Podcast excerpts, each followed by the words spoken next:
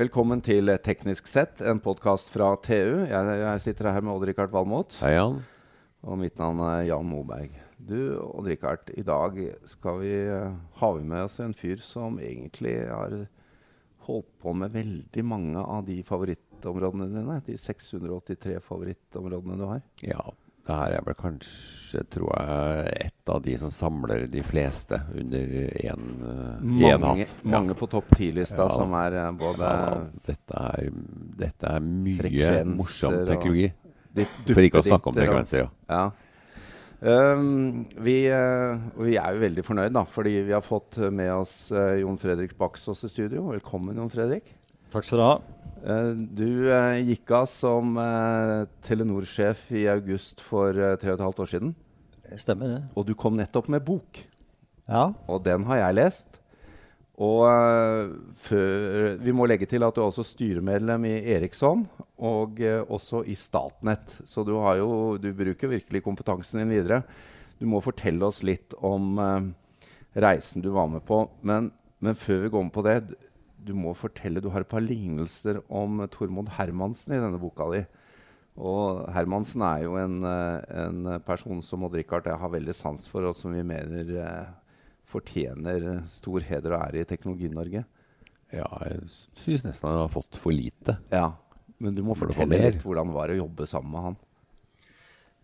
Tormod var jo eh, en, en, veldig sterk personlighet som eh, visste hva han ville og som ikke tok et nei for et nei. Eh, hvis han hadde satt seg noe i forrød, så sørget han for å få med seg nok kraft til å gjennomføre ting.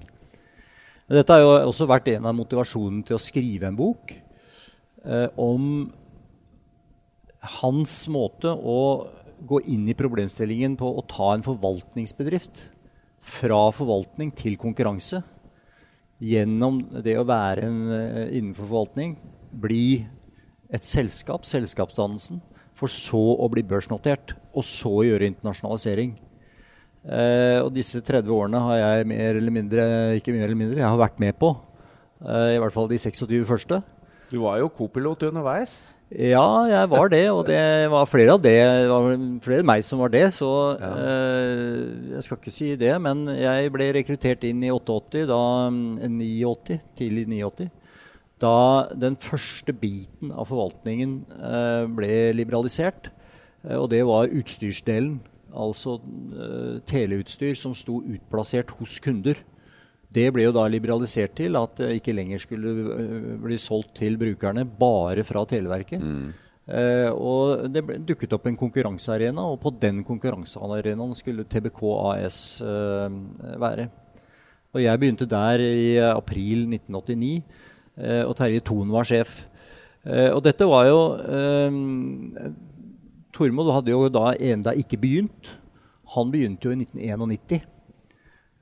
Men han hadde fra Finansdepartementet vært med på å skrive det som het en norsk offentlig utredning om Norge en bedre organisert stat. Ja. Som anses for å være en av de NOU-ene som har hatt størst innvirkning på samfunnet de kommende ti år. Eh, der både post, tele og eh, eh, jernbane var en del av det grunnlaget som denne NOU-en mente kunne gå igjennom store endringer med stor effektivitetspotensial for det norske samfunnet. Og eh, ikke nok med det, fra departementsrådsjobben så fikk han jo da tilbud om å ta jobben med å gjøre det for Televerkets del, og han etterfulgte Holder i 1991. Uh, eh, og det var jo da at han begynte uh, virke på å ta forvaltningen gjennom de prosessene jeg nevnte. Jeg begynte vel å treffe Tormod omtrent i 91. Det var jo i parallell med bankkrisen. Han var jo også uh, formann i banknemnda. Uh, mm, ja. Og han tok jo over en bank liksom per uke. per, per weekend en, en, stund. Jeg husker en gang eh, jeg hadde truffet han da ganske tidlig i hans uh, innfasing i Televerket. Så kunne han ikke reise på BI og gjøre et foredrag om et eller annet, så han sendte meg isteden. Uh, og jeg dro på dette BI-møtet, da. Og da ble det liksom humret i gangene om hvilken bank hadde Tormod tatt nå i helgen, da. Og da var det visst Fokusbank den, den helgen. Ja. For sånn var det jo i, ja. i den perioden. Og, eh, men han var sjef i Televerket. Egil Abrahamsen var styreleder. Og Egil Abrahamsen fra Veritas han var jo også teknolog på sin hals. Eh, og teknologisk interessert utover bare det Veritas drev med. Eh, og sånn sett så var jo ja, Abrahamsen og Tormund Hermansen eh, komplementære i betydningen eh, Hermansen hadde ingen teknologisk bakgrunn, Nei. men han hadde en veldig samfunnsøkonomisk Ja. eh, eh, interesse og bakgrunn, der han også ville eh, effektivisere deler av mm, samfunnsstrukturene eh, for at vi som innbyggere i det landet her eh, skulle få bedre løsninger på saker og ting. Eh, og så grep han fatt på Televerket sjøl. Det går, det går jo en historie om, eh, om eh, at han kjøpte satellitt i USA. Ja, ikke USA, men han kjøpte en satellitt så, av eh, Murdoch-systemet. Ja, så det var London, Murdoch da. var det. Var Robert Murdoch Sky-systemet. Så uh, Murdoch hadde en uh, Sky hadde en satellitt som de av en eller annen grunn skulle selge, da, for de hadde vel flere nye på vei opp, kan jeg tenke meg. uh, så Thor 1-satellitten, det var jo det første store internasjonale eh, eh, kjøpet som Telenor gjorde. Men husk på at Telenor var allerede en ganske stor operatør av tjenester eh, på satellitter til det norske eh, samfunnet, og ikke minst eh, rederinæringen. Ja. Slik at vi eh, i Televerket hadde en stor andel av innmarkssatssystemets Ja. kapasitet på den tiden. Og jeg tror vi var en av de største eierne i innmarsatssystemet eh, omtrent rundt 1990.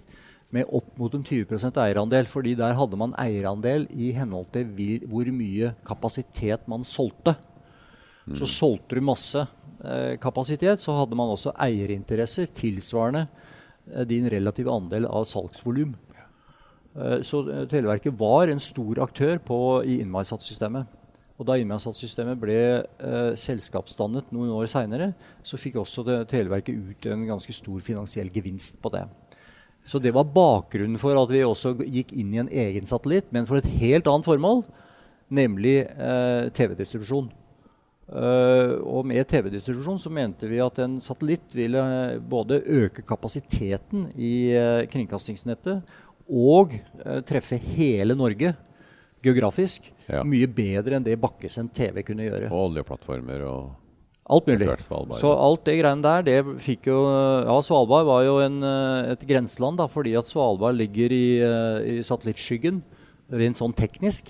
Men eh, også der ble det jo satt opp en svær eh, parabol på um, sydspissen av um, Isfjord Radio, som da til syvende og sist også tok inn eh, eh, TV-sendte signaler, og der ble vel eh, Der ble vel eh, normalt TV sendt fra og med 2004, tror jeg. Men når han kjøpte den satellitten, så var det ikke snakk om å overføre penger elektronisk? Nei, det var mer eh, Det var jo en, eh, en ganske fargerik historie. Det var Jens Gjerse som var innkjøpsdirektør. Og det var han som da fikk med seg en sjekk eh, på eh, dette beløpet i, i størrelsesorden 220 et eller annet millioner kroner. Den hadde den på innerlomma, ferdig signert. Um, og den hadde da Tormod signert uh, på Norges Bank, for den var så stor at uh, også Herman Skånland, som var eh, sentralbankdirektør, hadde da bevitnet at dette var en god sjekk. det var dekning for. Eh, og uh, så dro de til, mm, til um, London for å forhandle, og der satt uh, Telia satt på gangen. Det svenske televerket satt på gangen mens Stemmer eh, For de var også interesserte. ja, ja, de ville også ha den for fem grader øst. Ja. Og vi vil ha, ha den til eh, vestposisjonen. Eh, og den eh, forhandlingen den ble foretatt på kontoret til Robert Murdoch. Og sjekken ble tatt opp og levert og betalt der og da. Og Jens Gjersø gikk hjem som satellitteier. Uten at Telia fikk sjansen. Ja, de var ikke inne i siste runde. Nei, nei altså, ja, og, det, dette, jo, dette, med flere historier er jo denne, denne boken uh, Baksås som uh, du, du, drar jo opp utrolig mye spennende. Men, uh, og det er så mange temaer at vi rekker jo ikke gjennom alt i det hele tatt. Men det som er interessant, er jo etter at denne mye omtalte forsøket på fusjon med Telia sprakk, så gjorde jo dere i Telenor en kjempejobb. og ble jo mye større enn Telia i børsverdi på relativt få år. Hva, hva, lå til grunn for at strategien Telenor hadde, var så mye bedre enn Telia den gangen? Uh, på slutten av 90-tallet så hadde vi jo egentlig en filosofi som gikk på at mobilkommunikasjon det kan vi så mye om i Norden. Eh, og siden de nordiske markedene skal åpne seg for konkurranse med oss, så må jo vi kunne ta med oss vår kompetanse ut og konkurrere ja. med andre. Topografi og Det var kort og godt resonnementet. Ja, ja. Dessuten så var, eh, så var, det krystallklart for både Tormod og ledelsen for øvrig at vi måtte effektivisere mye i Norge. Det betød også nedskjæringer. Eh, og eh, det er uendelig mye lettere å gjøre dersom du også har et vekstbein. Ja. Og internasjonal mobilkommunikasjon ble vekstbenet vårt. Og eh, strategien vår var, var, egentlig på slutten av 90-tallet å få benet inn i, uh, i, døra, holdt jeg på å si. Få tilgang til nye markeder gjennom konsortier og eh, egne li lisensprosesser. Der jo Pannen i Ungarn ble det første internasjonale oppkjøpet i 1994. Mm. Og, så vi hadde en strategi som gikk mobilorientert. Telia hadde en strategi som gikk internett kapasitetsorientert. Mye kabler mye kabler. Ja. Og bygde kabler for eh, datatransport i Europa. The Viking Ring, som det der ble kalt. Ja. Eh, og det var forskjellig strategi som i bunn og grunn eh, gjorde at Telenor og Telia skjøt forskjellig fart. Mm. på slutten av 90-tallet og innover i år 2000. Men, og det var også forskjellig strategi ja. som gjorde at uh, fusjonen til syvende og sist havarerte. Fordi pga. strategiforskjellene så fikk man uenigheter oppover i strukturen, inn på styrenivå og mm. videre opp i politikken. Men det var ikke sånn at uh, du heller var veldig lei deg da det sprakk? Nei, så jeg eh, tvert, tvert, imot. ja. altså, jeg hadde mistet fullstendig eh, drivkraften. Jeg med å ha støtt på, på liksom Telias holdninger til fusjonen. Så eh, jeg hadde jo egentlig bestemt meg for å slutte. Mm. eh, i, uh, altså, rett etter fusjonen. Uh, men så ble det jo ikke noe fusjon. Altså, den ble jo brutt etter ja. fem dager. og da ble hele greiene nøstet opp igjen. og det gjorde jo egentlig at Telenor skjøt fart på ny med egen strategi. Og jeg tror nok det at vi eh, ikke hadde klart å gjøre det samme som vi har gjort i Telenor, sammen med Telia. For, nettopp fordi det var strategiforskjeller mm. i de to selskapene. Du, du, er jo også inne på dette med, med norske holdninger eh, og verdier og forretningsformer i forhold til svenske. Altså, de, dere har jo tatt mye risiko i Telenor òg? Altså, du var jo sjef i mange år og tok, var med på å ta mye risiko. Jo, uh, Tormod òg. Altså, vi tok risiko i uh, eh, 20 år her. Ja. Uh, det er ingen tvil om det. Uh, men jeg mener jo også at det å ta risiko er en del av det å være en, en mobilspiller. Hadde vi ikke tatt den risikoen, så hadde vi ikke vært der selskapet er i dag. Så kan man si at vi tok risiko langt utover eget, vår egen kapasitet et par ganger. Eh, og det tilhører også bildet. Men samtidig som at vi også måtte håndtere prosjekter med store negative eh, konsekvenser, så eh, gikk likevel helheten uendelig mye mer positivt. Eh, og var i stand til å absor absorbere de tapene som kom da i særlig India. Ja, India var en stor Det var vel 30 milliarder var ikke det? Jo, men på, over fem, seks, sju år så var det en kombinasjon av driftsmessig underskudd og investeringer på ca. 30 milliarder. Ja. Og eh, det er klart at det, et sånt tall får veldig stort fokus. Mens hvis vi setter det opp mot den totale finansielle utviklingen til selskapet, der selskapet nå eh, i runde termer er verdt 250 milliarder kroner, mm. altså en verdiutvikling på 200 milliarder siden vi begynte i bør, eh, børsnoteringen i Børsnoteringen, åt- Ja, 2000. helt vilt. Og bare i min periode som konsernsjef så betalte vi over 100 milliarder i utbytte, hvorav staten tar mer enn 50 Eh, Slik at bidragene fra selskapet, både til eh, eier og samfunnet for øvrig, er jo eh, ganske, eh, ganske, ganske så brukbart. Altså Selve utbyttet bare i, som skal betales i år, i 2019, er på statens hånd litt over 6 milliarder kroner. Altså halvparten av eh, drøye 12 eh, milliarder. Og det betyr jo egentlig at eh, staten mottar mer enn en fregatt per år i utbytte fra, Det en ny fra Telenor. Ja, jeg tror ikke det er mange som tenker på det, men så brutne per nordmann så er det ganske mye kroner. Altså. Det kan vi omsette kanskje i skattelette eller hva du vil. Men det er Her ringer det. Her ringer det, ja. Ja, vi slår aldri av mobiltelefonen. Jeg ser det. Det er ikke, det er ikke Telia-abonnement.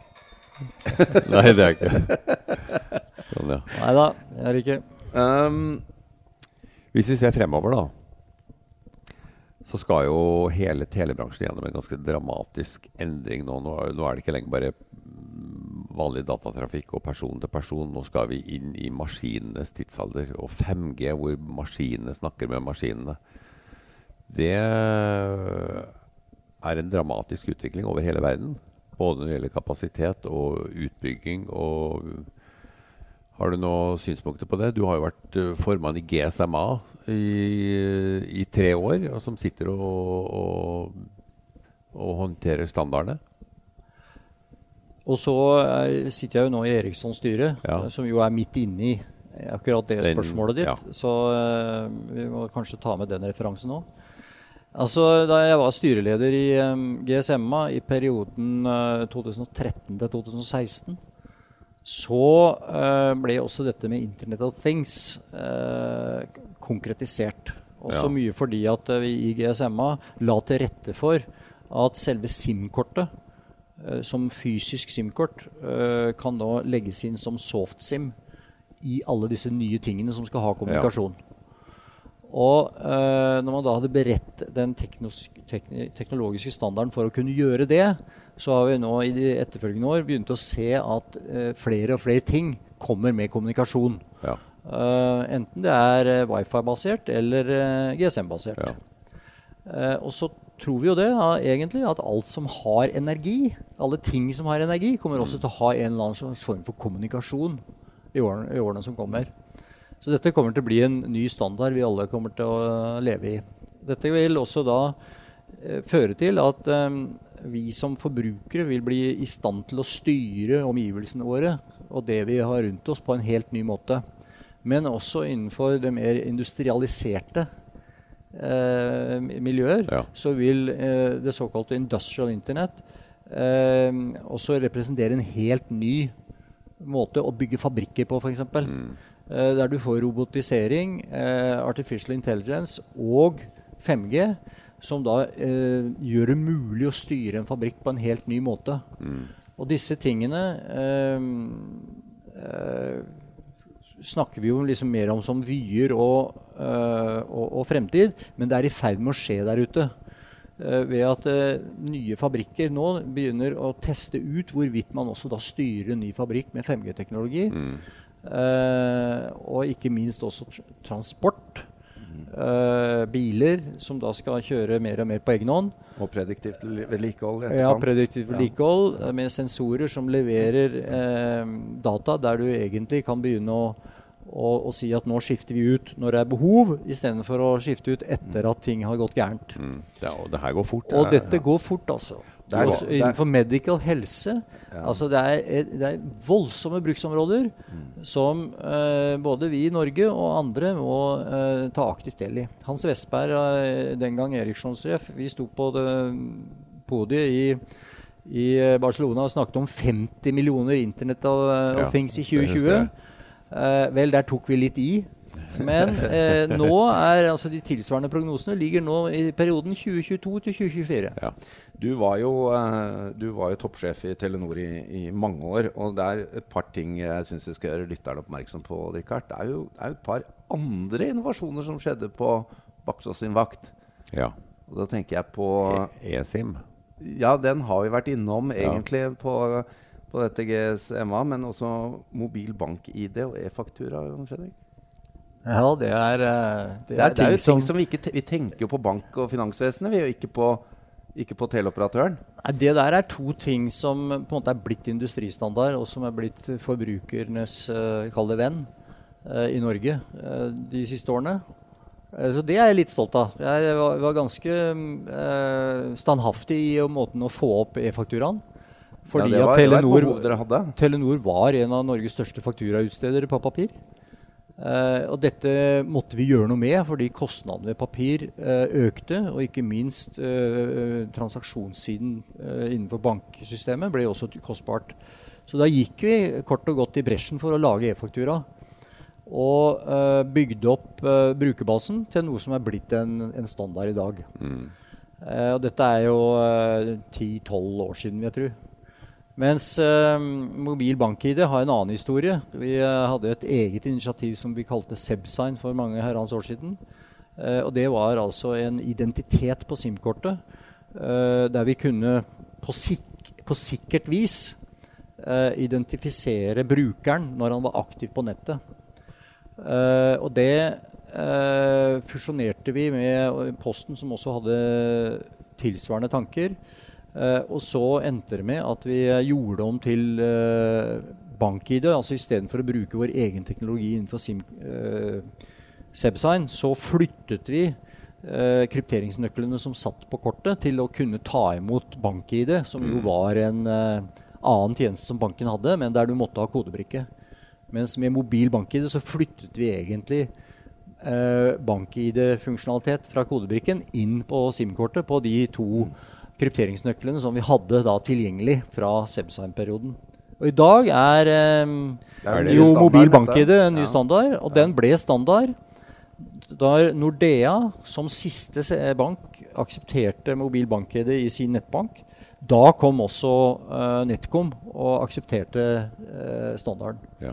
Og, og før det så var NetCom ganske lunkne. Og Det viser jo egentlig at lokomotivet leverte ja. sammen med andre uh, tydelige brukere, og DNB var da den første partneren vår i det tilfellet. her. Vi har jo et uh, hav av ting vi kan snakke om her, men jeg ser tiden løper. Odd-Rikard. Uh, jeg tror vi er uh, nødt til å invitere deg tilbake jeg, om en tid bak oss. Så får, for vi ha enda mer vi må snakke om. Det er bare én ting jeg har lyst til å ta opp på slutten her.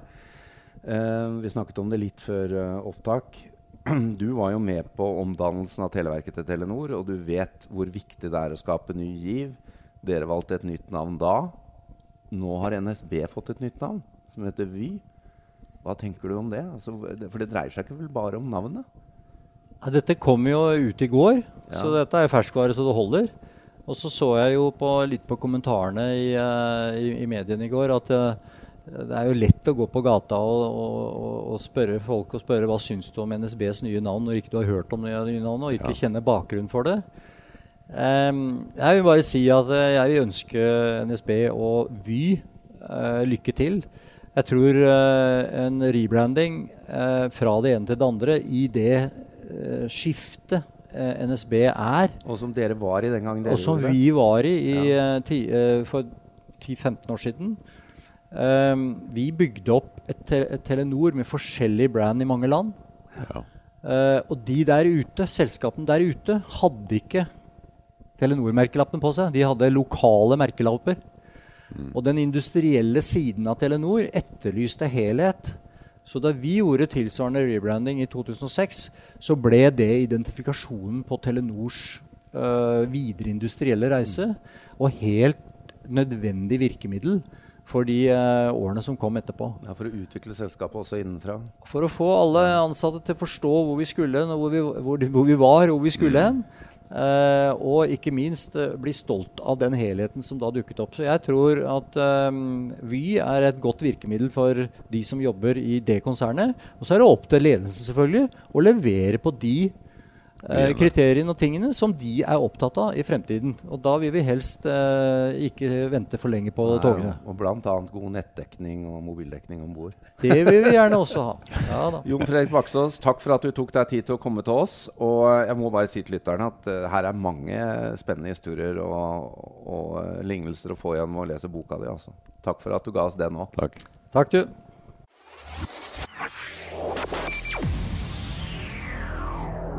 you